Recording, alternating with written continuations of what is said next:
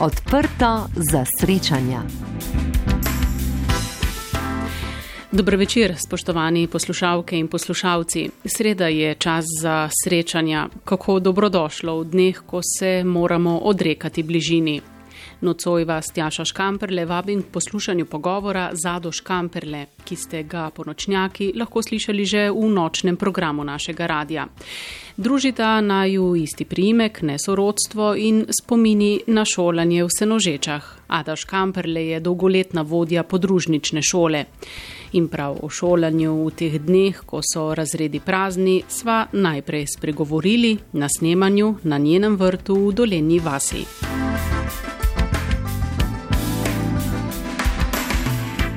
Dober večer. Ne? Naši poslušalci so že slišali, da pogovor eh, snemava, da smo pri vas doma, ker eh, spoštujemo navodila in priporočila, da sva dovolj daleč eh, narazen, da si nisva grožnja druga drugi in da bo ta klepet tekel prijetno in nemoteno. Ko sva se, Ada, dogovarjali za pogovor, ste mi napisali, trenutno je moja časovnica popolnoma prazna. Ste si še pred tremi, štirimi tedni sploh lahko predstavljali, da bo šola sredi marca zaprta in to do nadaljnega? Ne, seveda, nihče od nas si tega ni predstavljal, kaj šele, da bi si to želel ampak razmere so trenutno take in eh, treba jih je spoštovati in dati vse od sebe, da bodo čim hitreje minile.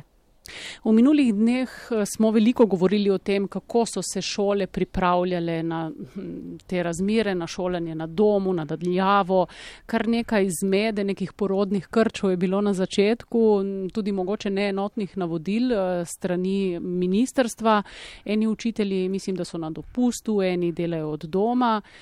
Kako ste se organizirali uh, vi na podružnični uh, osnovni šoli v Senožečah, ki jo vodite uh, in ki sodi pod Divaško osnovno šolo? Kako je minil ta teden za vas? Ja, tako mi imamo predkano ravnateljico, gospod uh, Damjano Gustinčič. In uh, mi skupaj smo že pred razglasitvijo izredne prekinitve pouka glasno razmišljali o tem, kaj in kako bomo organizirali učenje, če pride do dane situacije, v kateri trenutno smo.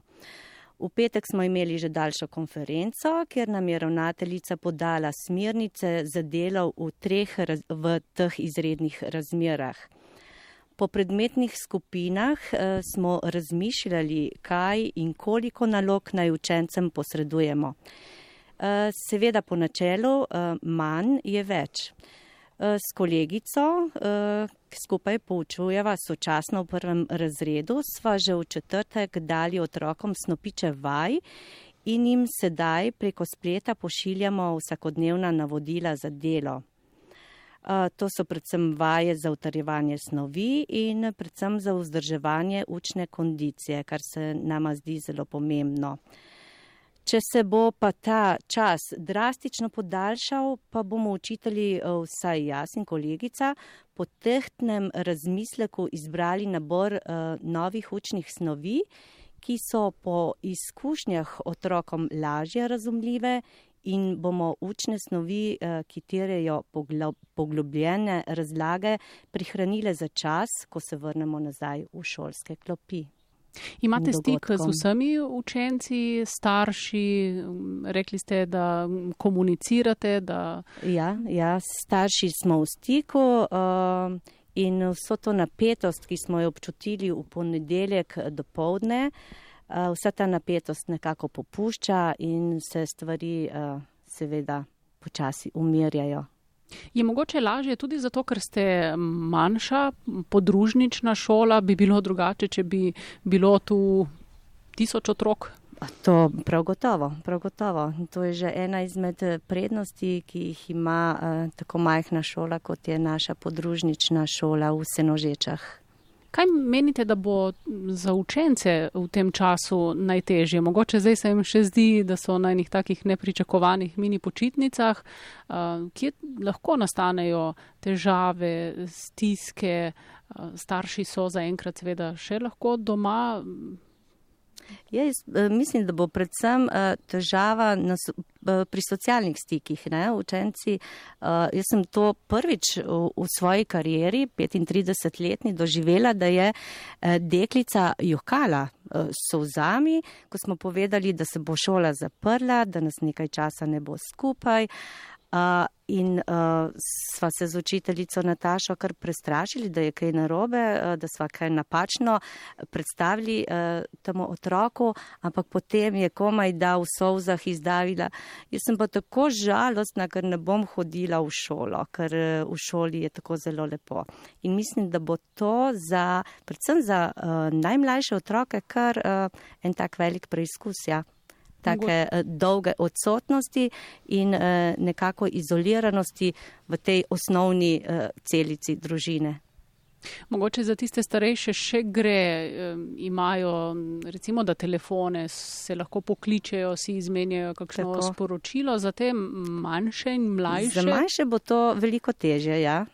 Seveda se bojo tukaj morali starši uh, znajti uh, in izrabiti vse svoje sposobnosti in zmožnosti, da bodo te otroke animirali in jih uh, torej pripeljali v, v ta čas, ko se vrnemo nazaj v šolske klopi. In ste tudi uh, učitelji vseeno na voljo za kakšen nasvet, sploh če bo to trajalo dlje? Seveda, seveda. Mi se uh, kontaktiramo. Eh, no, ravno včeraj je imela ena naša učenka rojstni dan, pa eh, sem se eh, posnela, sem ji zaigrala na klavir, pa sem ji čestitko tako preko spleta poslala in potem je mama navdušeno takoj odpisala, pristavila, torej v priponki dala sliko velike torte in njihovega družinskega praznovanja, tako da ja stiki ostajajo na malce drugačni ravni, ampak ostajajo. In mogoče so tisti, eh, ki mogoče še poglabljajo um, to, to, um, to razdaljo učitelj uh, staršne in, in poglabljajo to ves. Rekli ste, da če so takšnega, seveda še niste doživeli v svoji učiteljski mm -hmm. karieri.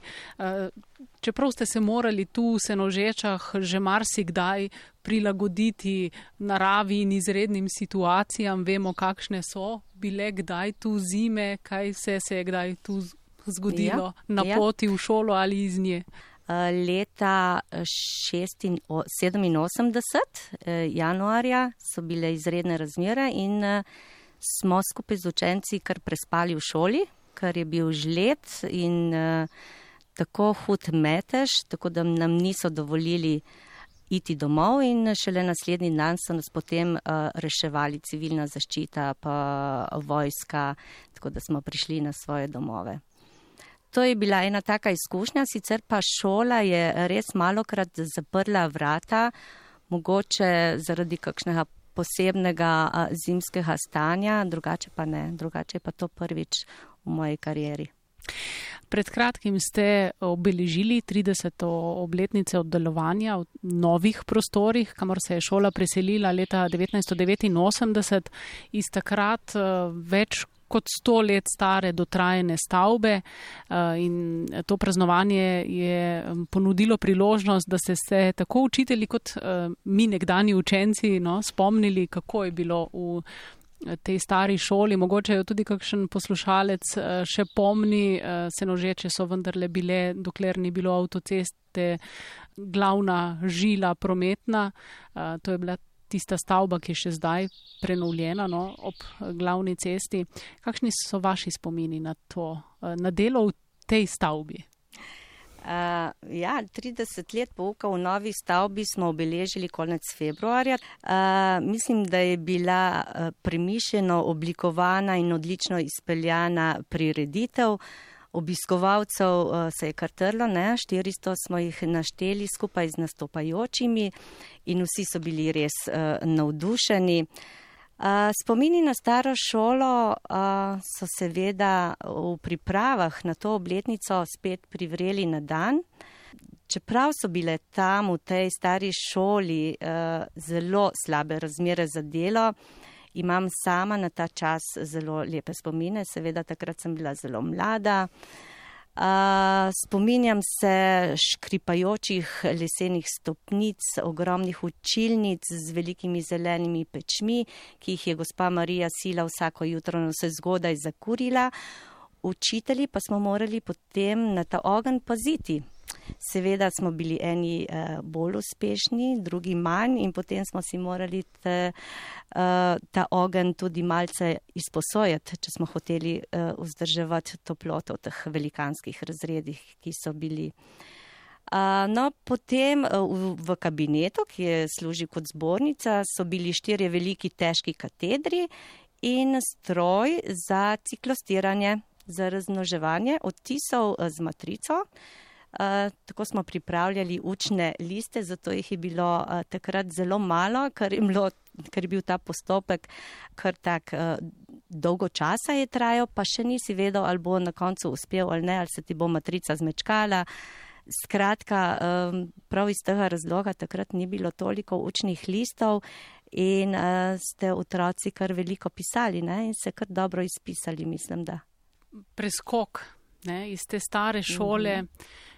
Vmes se je seveda zgodila devetletka, generacije so se zmanjšale, v senožečah se zdaj šolejo učenci do petega razreda, na to gredo v divačo. Kako je danes poučevati na podružnični šoli? Podružnične šole so zelo pomembne za kraj, ne? to o tem ni dvoma. Ohranjale so se že vse od začetka obveznega šolstva pa vse do danes. Seveda so nekatere podružnice tudi na območju naše občine ugasnile, recimo na Misličah, kjer je preprosto zmanjkalo učencev. Drugače pa v naši občini delujeta dve podružnični šoli v Senožečah, dokaj velika, in pa v Vremah, malo manjša. Naša ravnateljica se neizmerno trudi, da ohranja obe podružnici pri življenju. Eh, s tem mislim, eh, da se trudi k temu, da je šola čim bolj, da sta obe šoli čim bolj opremljeni, dostopni tako za starše kot učence s podaljšanim bivanjem, z jutranjim varstvom, z organizirano prehrano torej vsem tem, kar uh, danes potrebujejo uh, naše sodobne družine. In mislim, da je za vse to izvrstno poskrbljeno, tako v Senožečah kot v Vremah. Uh, zato čist takole odgovorno res trdim, da je šola krasno opremljena, lepa, svetla in da tam delajo tudi predane učiteljice. Kaj pomeni za vas uh, kombiniran pouk? Uh, vemo, res generacije so se zmanjšale, uh, zdaj prav grožnje senožeški podružnični šoli, da bi bilo otrok premalo, ni bilo nikoli, pa vendar ste se morali prilagoditi no, tem manjšim generacijam, združevati razrede. Sama si pravzaprav niti ne predstavljam, kako je poučevati drugi in četrti razred skupaj ali ja. kakšne kombinacije torej, imate? Na naši šoli eh, je bilo v letošnjem letu pisanih 53 učencev. V prvem razredu eh, poteka pouk v čistem oddelku, drugi in tretji sta kombinirana in četrti in peti. Specifika podružničnih šol je seveda v tem, da je veliko oddelkov kombiniranih, kar pomeni, da en učitelj poučuje dva ali več razredov. Pri nas uh, je tako, da sta v kombinaciji sorodna razreda, torej drugi in tretji, pa četrti in peti, kar učitelju zelo, zelo olajša jasno delo. Ne? Tak način dela seveda terja posebno strokovno usposobljenost, uh, veliko pedagoških izkušenj ter prilagodljivost in ne nazadnje iznajdljivost učitelja. Seveda so v kombiniranem pouku tako pozitivne eh, kot negativne stvari. Eh, pozitivne so v tem smislu, eh, da učitelj navaja učence na samostojno delo, medtem ko z drugimi ali pa z drugo skupino učencev dela. Otroci se morajo zelo koncentrirati, da upravijo svoje delo lahko večkrat slišijo razlago, to je pozitivna stvar, ne? ker mogoče jo lani v lanskem letu niso razumeli, pa je um, potem v letošnjem letu marsikdo rekel, o, lani pa jaz tega nisem dobro razumel, zdaj mi pa je to čisto jasno. Tako da so gotovo so prednosti uh, v kombiniranem pouku, so pa tudi določene slabosti. Ne? Podružnične šole v manjših krajih, to ste že rekli, so drugačne, so posebne. Najbrž poznate družino vsakega učenca, odnosi so drugačni kot v šoli s 900 otroki. Ste kdaj delali na večji šoli, kot je podružnična ja, ja. Senožeška? Ja, sem, sem delala, deset let sem bila v postojni in v Hruševju. Torej sem uh, začela delati v Senožečah, ko sem nadomeščala uh, porodniški dopust kolegice, potem sem pa morala poiskati drugo delovno mesto in sem se potem po desetih letih vrnila spet v Senožeče. Ja, prednost uh, na tako majhnih šolah je seveda tudi ta, da učitelj pozna družine. Da uh, je veliko krat uh, učitelj tudi ata in mama. Da ni, uh, torej ni, je njegova vloga tudi malce drugačna, no, kot uh, samo tista, tista vloga poučevanja, pa usmerjanja večkrat uh, smo v situaciji, ko je treba otroku pomagati um, in uh, takrat znamo pristopiti, jaz mislim, da zelo dobro. Se vam sicer zdi, da se je ta vzgojna vloga učitelja z leti izgubila, se jo je nekako črtalo iz delovnih nalog ja, učiteljev. Ja. Nekaj časa se je kar govorilo, da je šola zgolj in samo izobraževalna ustanova, ampak vidimo, da to ne more biti. Ne.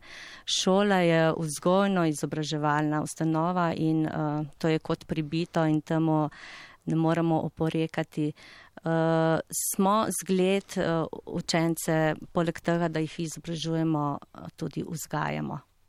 In prepoznavate v njih uh, potencijale, talente. Tako. Na tej nedavni prireditvi v Senožečah smo lahko videli, kje vse so nekdani učenci iz te šole, danes službeno, zasebno. Eh, torej, ta majhnost, eh, seveda je eh, prednost majhnosti je tudi v tem, da vsakega otroka v bistvu hitro um, pogruntaš, na katerem področju je uspešnejši in potem res tisto področje uh, razvijaš. In uh, ponavadi so tudi starši, um, starši vidijo, da uh, hočemo učitelji dobro otroko in kar poprimejo in uh, sodelujejo pri tem.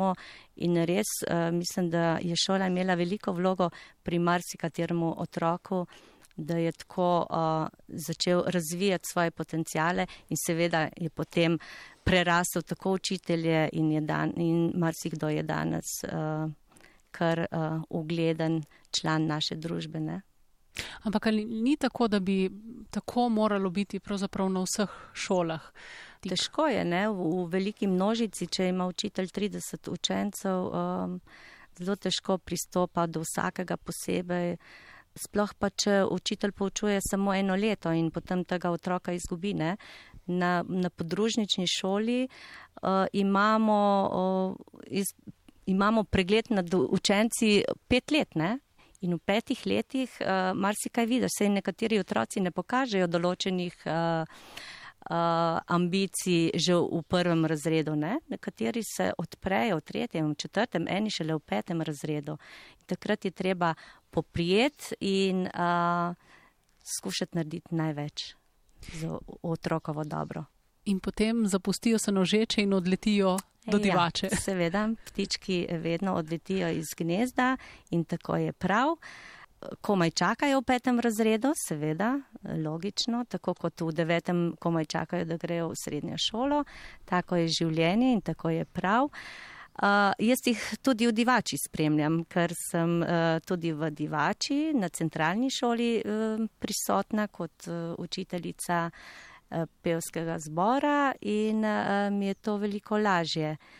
tako da veliko pevcev, ki jih vzgojim že v senožečah, ne veliko, ker vsi ostanejo potem tudi v zboru, v divači seveda.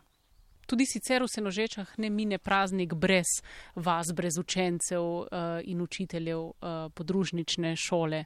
Šola je res upeta v kraj, vse prireditve gredo skozi uh, roke učiteljic in učencev. Uh, ne vem, preprosto tako smo naučili uh, naše poslušalce in oboževalce in uh, tako mislim, da je tudi prav. Uh, res je, da je uh, za učitelja to velik zalogaj, ampak na naši šoli smo res en tak izvrsten tim in uh, smo kos vsem tam nalogam, ki jih opravljamo.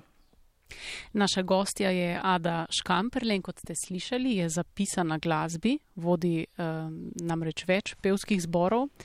Zdaj je čas za glasbo in po njej o glasbi. Prinesi mi rože, ki divje cvetijo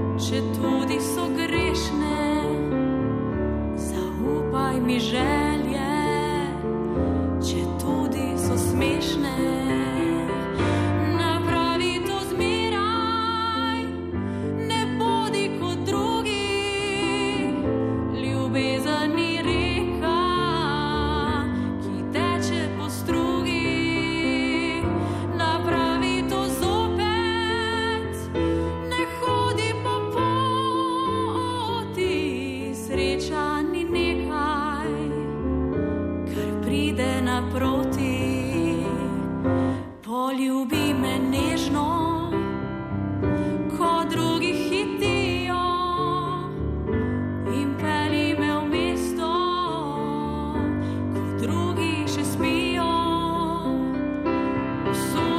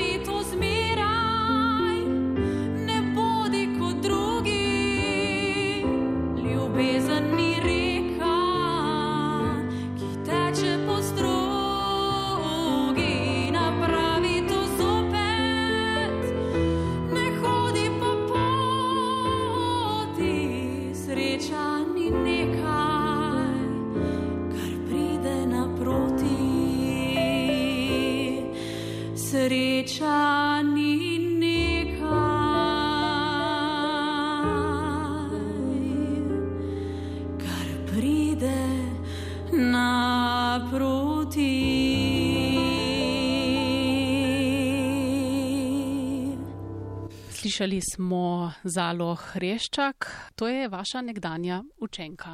Kakšna je Zalina zgodba?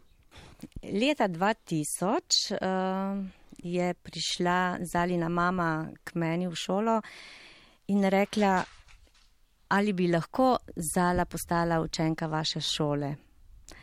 Jaz sem seveda rekla lahko, namreč uh, morate vedeti, da je Zala uh, deklica s posebnimi potrebami no danes že gospodična, ne? Zala je slepa In uh, ker uh, takrat še ni bilo v veljavi zakon o usmerjanju otrok s posebnimi potrebami, je morala mama uh, pridobiti soglasje tako šole kot uh, učiteljice, ki bi sprejela zalo v prvi razred. Seveda smo uh, zalini mami, tako šola kot jaz sama, takoj prisluhnili in smo bili pripravljeni uh, stopiti uh, izzivu naproti. Vas je bilo strah, uh, vas je skrbelo, kako bo, ste bili pripravljeni na šolanje slepe deklice?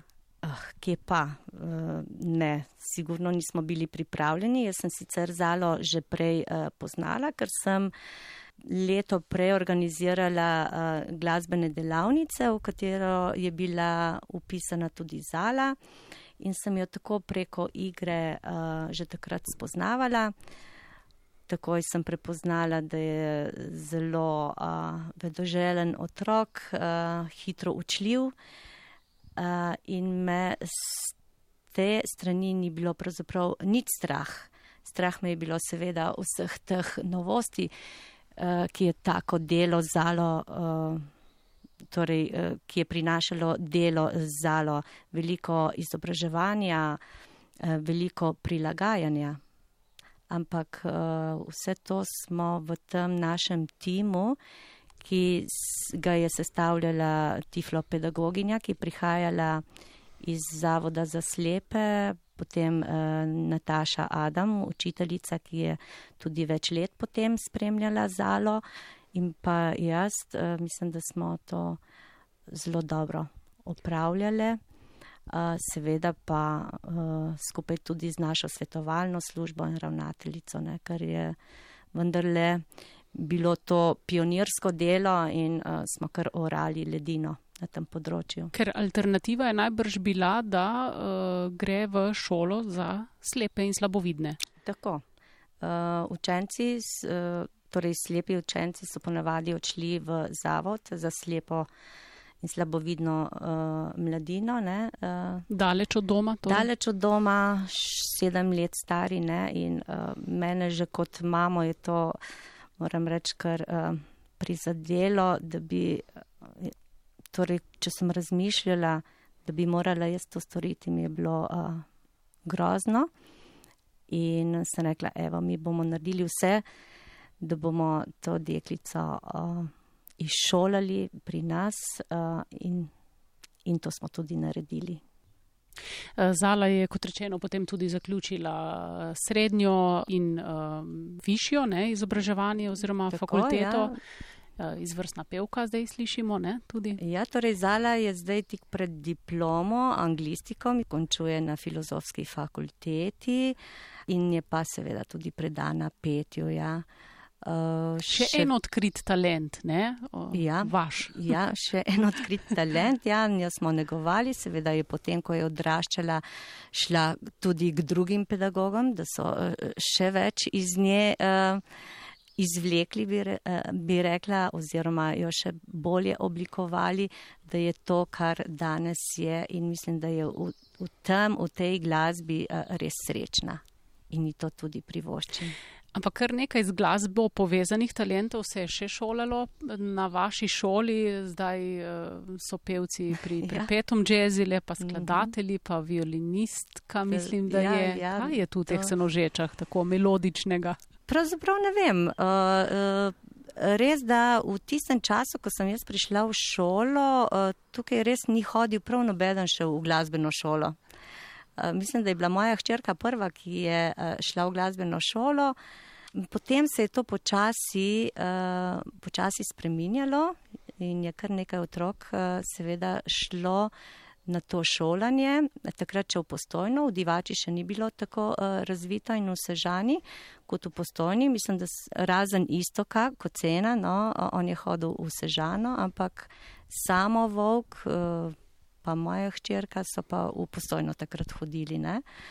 Govorimo tukaj tudi o uh, Ani Vasičevi, ne, ki je zelo uspešna violinistka trenutno v Amsterdamu. Govorimo o samo Volku, ki je izvrsten skladatelj ne, in uh, zelo upet v delo Perpetuum Jazzila. Govorimo o Istoku Kocenu, ki je tudi eh, mlad skladatelj in eh, dirigent. Ana Marija Čotarja poje v eh, Perpetumu. Samova sestra je tudi izvrstna, um, igra na bobne. Skratka, ja, kar veliko, veliko glasbenikov, ja, se je tukaj. Uh, Ste so krivi, no? mogoče, mogoče. Če sem, si, si štejem včasih. Ja. Vodite in dirigirate pa tudi sami mešanemu pevskemu zboru Senožeče. Pred 20 leti je nastal, je nastal iz heca, da imamo kaj zapeti ali iz ambicije gremo kam tekmovati. Ne, to slednje sigurno ne. Uh, mene so pravzaprav vrgli v to. Eh, zadevo. Ne? Se veste, na vasi uh, mora učitelj marsikaj narediti. Ne? In uh, k meni so prihajale uh, starejše gospe in moledovale in prosile, da ne vendarle jaz kot učiteljica, pa ti pa to moraš, ne? tako je bilo rečeno, nekaj narediti, ker v senožečah ni, ni ničesar. Ne? Meni uh, ni bilo to najbolj povšeči, bom rekla, ker uh, takrat sem ravno zaključevala univerzitetni študij, sem delala še ob delu. Uh, Razredni pouk, ne, ker je prvotno, mi smo končali akademijo, ne, takrat, če ni bilo univerzitetnega študija, potem sem to delala ob delu in uh, mi je bilo kar naporno. Imela sem družino, majhne otroke, ampak so bile tako zelo ustrajne in so dosegle svoje. Uh, moj mož se jih je naveličal, je rekel, da je pa pedi, ne se ne bo dolgo trajalo. Ampak uh, to traja zdaj že več kot 20 let. Ja, nastal je iz uh, ženske skupine, je nastal mešani pevski zbor. Tak zbor, da ga je mogoče poslušati, ne? da si ni treba tiščati v šest. Mislim, da zapojemo za vaše razmere lepo. Uh, imamo veliko poslušalcev, uh, predvsem pa bogati naš zbor, prav, bogatijo prav ti mladostni glasovi, kot so Zalin glas. Pa tudi se zelo trudim, da postaja ta zbor medgeneracijski. To pomeni, da imam veliko eh, mladih uh, pevk zraven, ker se mi zdi to zelo poživljajoče za vse pevce, vse generacije. Torej, od 14. pa do 80. leta so ljudje v tem zboru in uh, mislim, da je to res uh, dober recept za vas. Ne samo najbrž na vajah in nastopih, tudi na izletih teh druženih je to medgeneracijsko povezovanje poživljajoče, kot ste rekli. Ja, torej mi uh, se vsako leto odpravimo um, na kakšno gostovanje. Moram reči, da smo obredli že pfu, veliko, veliko uh, evropskih mest, uh, vsa, vse prestolnice nekdanje Jugoslavije. Uh, in nam je bilo v teh 20 letih uh, neznansko lepo. Uh, večina pevcev je še vedno istih kot na začetku, seveda se tudi uh, delež pevcev spreminja. Mlade pevke seveda se zaljubijo in uh, spet odletijo, ampak eh, tako to gre. Ampak mi se pa imamo še zmeri eh, fajn ja, in eh, res eh, glasba, zbor eh, združuje, ima to funkcijo in eh, tudi zdravi. Ne? Uh, Mar si kdo v zboru mi reče, jo, če ne bi bilo zbora, pa ne vem, kaj bi bilo z menoj. Uh, namreč V zboru je veliko ljudi, ne? Preko 30 nas je uh, in vsak svojo življenjsko zgodbo. Nekatere so kar uh, težke. Ne? In je res potem zbor bil um, marsikomu v veliko uteho. In seveda vsi ti stiki, ki jih imamo tedensko, dvakrat tedensko ali pa tudi več v zboru. In zdaj, če bi bile razmere normalne, bi se pripravljali na gostovanje na primorske poje, ti najbolj množični pevski prireditvi na Tako. primorskem. To je najbrž za zborovodjo, pa tudi za pevce pomembna prireditev, če se uvrstiš, če Seveda. si tako dober, da prideš na primorsko polje. Ja. Torej, zdaj zdaj je tako, da na primorsko poje lahko pride vsak, ki, ki rad poje. Ne? Je pa res, da si vsi pevci nekako želijo pet na, pet na primorski poje, ne vem eh, zakaj. Uh, res, da je potem po, po vseh teh koncertih uh, to druženje res nekaj posebnega, ne? ko zapoje tam po, po 500 ljudi hkrati. Uh, smo res vsi nav- navdušeni in te nekako vse to uh, nahrani kar za nekaj časa. In ja, tudi za naš zbor je prioriteta uh, nastop na reviji pevskih zborov. Letos bi morali biti uh, v Črnem vrhu. Mislim, da po 19 letih, pred 19 leti smo peli tam in uh, takrat se nam je zgodilo, uh, prvič smo šli na revijo v Črni vrh. In uh, vsi smo bili seveda strašno vznemirjeni, ne? ker je bil to prvi nastop, grozno se ga ne smem spomniti. Ampak uh, čakali smo na avtobus in avtobusa ni bilo. In uh, ko je naša predsednica ne, uh, povprašala, zakaj pa tega avtobusa ni, smo dobili odgovor, da je pomota in da pač ni naročen za tisti dan za nas avtobus, zato smo se morali na hitro zorganizirati, eh, poiskati avtomobile in smo se tako potem uh, odpeljali v Črni vrh, uh, prišli tja, vsi trepetajoči seveda, ne?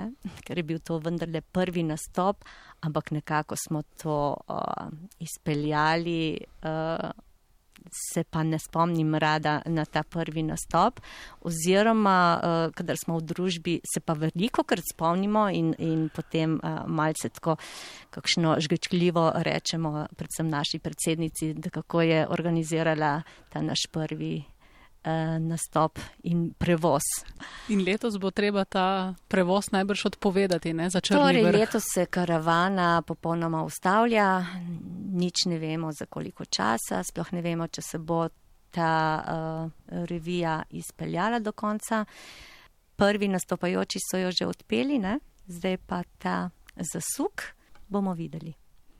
Se pa ne ustavlja pogovor, ki ga poslušate. Pogovarjamo se z Ado Škamperle in uh, nadaljujeva seveda po glasbi. Sonca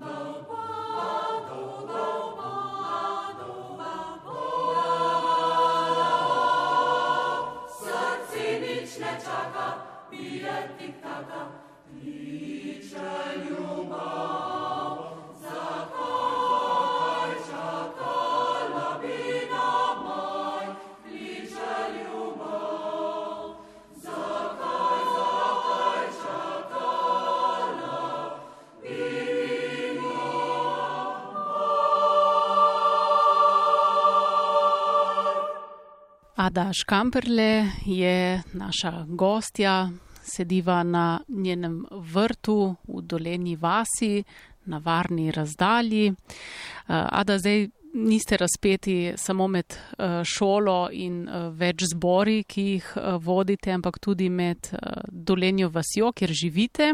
Postojno, kjer živi ena hčer, in Ljubljano, kjer živi druga hčer.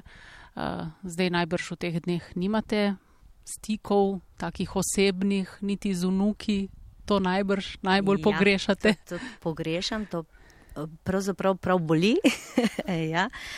Mi smo se veliko družili, ja, ampak um, kot sem že rekla, ta čas uh, je zaustavil tudi te naše medsebojne odnose, te stike. Uh, že veliko predno je bilo izrečeno to izredno stanje, smo uh, na pobudo starejše hčerke prekinili stiki, tako da se videvamo oziroma po Skypeu oziroma po Viberju. Povemo zakaj. Mateja je namreč zdravnica. Ja, ja Mateja je zdravnica, specializantka eh, klinične mikrobiologije, se pravi, da se trenutno prav s tem virusom veliko ukvarjajo. In uh, mislim, da so stvari zelo resne in jih tudi tako vsi jemljemo. Ste pričakovali, da bo druga hčer želela v poklic, ki ga vi upravljate? Ste bili očitno uh, zgled? Vas je vprašala za nasvet? Uh, mislim, da ni nič spraševala. Pravzaprav je uh, živela s tem. Sej, uh, učitelj, uh, biti učitelj je. Uh, torej je poslanstvo, ampak tudi družina točno ve, kaj pomeni, če je eden izmed staršev učitelj. Veliko predajanja, veliko pripravljanja, uh, tu ni urnikov, uh, veliko krat se stvari zavlečejo in uh, mislim, da je prav tako. No. Kako vi razumete to poslanstvo? Je tako, kot sem rekla, jaz uh, nimam urnika, jaz grem v šolo uh, vedno eno uro prej, zato da vidim uh, starše, da srečam uh, učence, tudi tiste, ki odhajajo v divačo, ker se ustavljajo v naši podružnični šoli, kjer čakajo zjutraj avtobus. Se z njimi uh, pogovarjam. Uh, Otrokom, ki uh, rabijo kakšno pomoč, pomagam, tudi če niso v mojem razredu. Uh, tako da uh, se mi zdi, da res uh, čutim to poslanstvo učiteljevanja in poučevanja in uh, uživam v tem. Česa je preveč, česa je premalo? Preveč je, vsak učitelj bo rekel, administracije, ne? tega je ogromno. Uh, Tako da včasih eh, kar zmanjkuje časa za tisto delo, ki bi ga človek rad opravil z vsakim učencem posebej. Ne?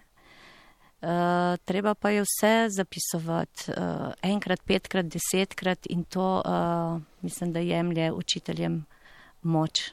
Ja, administracije je absolutno preveč. Če se je premalo? Ja, mislim, da so otroci danes zelo obremenjeni.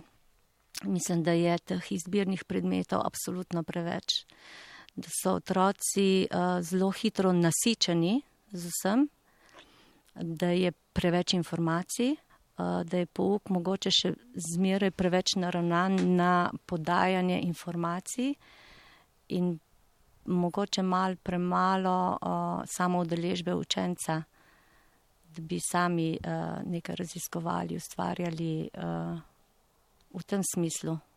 Ja. Ali zmanjka časa, da bi to naredili, ja, če bi ja. učitelji ja. vseeno to želeli? Naši so zelo, zelo natrpani. Mislim, da jih bomo morali, morali res temeljito prevedriti in uh, postaviti stvari spet na novo. Začrtano z devetletko se mi zdi, da je bilo kar nekako fino, ampak potem pa smo začeli trpati uh, snov zmeraj niže. Uh, Tako da prvi razred, eh, tak kot sem ga izpoznala pred 20 eh, leti, ne, ko, ko se je začela devetletka, eh, prvi razred danes je čist drugačen. Danes učenci že berejo, pišejo, sej sej nekateri zmorejo, ne pa vsi. Ne? Tukaj je problem, ne pa vsi. In uh, nekateri otroci potem uh, se mi zdi, da kar uh, izgorijo prehitro, kar jih ne moreš več navdušiti, ker je vsega preveč. Uh, oni bi se igrali, ne? Sej mi se igramo, uh, res s kolegico se zelo, zelo trudiva, da, da je pouk igriv, ampak čisto vsakih, vseh stvari pa ne moreš ne, eh, zaigrati. Določene stvari pa morajo teči po ustaljenih tirnicah in jih je težko drugače otroku prikazati. Ne, ne vem, uh, učenje črk je treba vaditi, ne. Branje uh, se je treba vsesti, treba uh, vaditi, ne tudi števila, otroci zdaj že računajo. Ne? Včasih smo imeli, vem, pri slovenščini so spoznavali res začet, začetni, končni glas, je bila ta uh, analiza, analiza glasovna prisotna. Danes, uh, danes morajo že brati in pisati, ja, že kar v prvem razredu. In to je kar, uh, kar veliko za nekatere otroke. Eni pa seveda gre to brez težav, ne? ampak niso pa vsi enaki. Ada Škamperle, tale klepet, uh, sva začeli s šolo danes v teh posebnih izrednih okoliščinah in mogoče zaključiva uh, s tem, kaj želite uh, sporočiti vašim učencem, ki jih sicer, kot smo slišali, nagovarjate tudi vsak dan, pa tudi drugim starejšim iz drugih šol. Uh, ja, zdaj je gotovo čas, da se družijo najprej druži, v, v krogu družine. Ne? Mislim, da je bilo to področje zelo zanemarjeno, uh, ker to življenje uh, danes je res malce prehitro. Res je prehitro in je res tukaj zdaj tisti pravi čas, da se starši skupaj s svojimi otroki usedejo in uh, se pogovarjajo razmišljajo mogoče o prihodnosti, o vsem mogočem, rešujejo razno razne probleme, ki jih imajo, ki so nastali. Naj grejo ven, ampak sami ne, tako kot nam priporočajo, naj izkoristijo lepa, ta lepa vremena, ki nas še čakajo v teh dneh in naj predvsem ostanejo zdravi. Vse tiste naloge pa, ki jih dobivajo od nas učiteljev, seveda naj si pravilno razporedijo čas, da ne bo res vse tako nagrmadeno in da ne bo jim treba narediti tistega vse do povdne. Se imajo pravzaprav cele dneve čas, da si razporedijo delo. Ne? Pa sploh v družinah, kjer je več otrok, je pravzaprav tehnično nemogoče, da bi vsi naenkrat lahko bili pri računalniku ne? in uh, pregledovali spletne učilnice. Hvala za vaš čas, za vaš nasvet. Uh, ostanite tudi vi še naprej zdravi in uh, ene lepe poletne počitnice vam želim. ja, upam, upam. Ko bo čas za njih. Seveda. Hvala enako.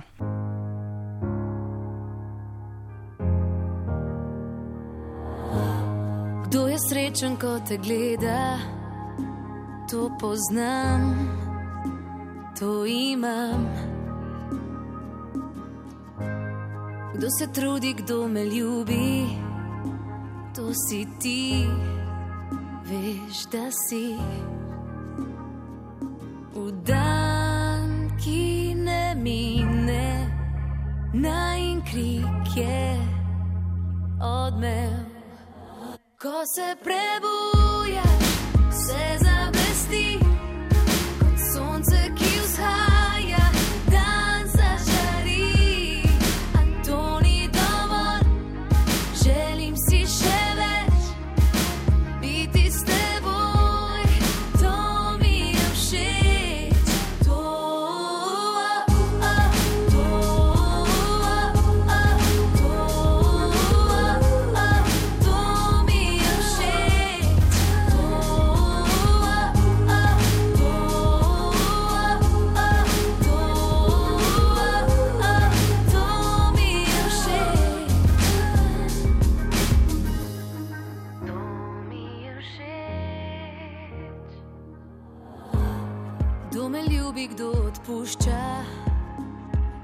poznam, to imam.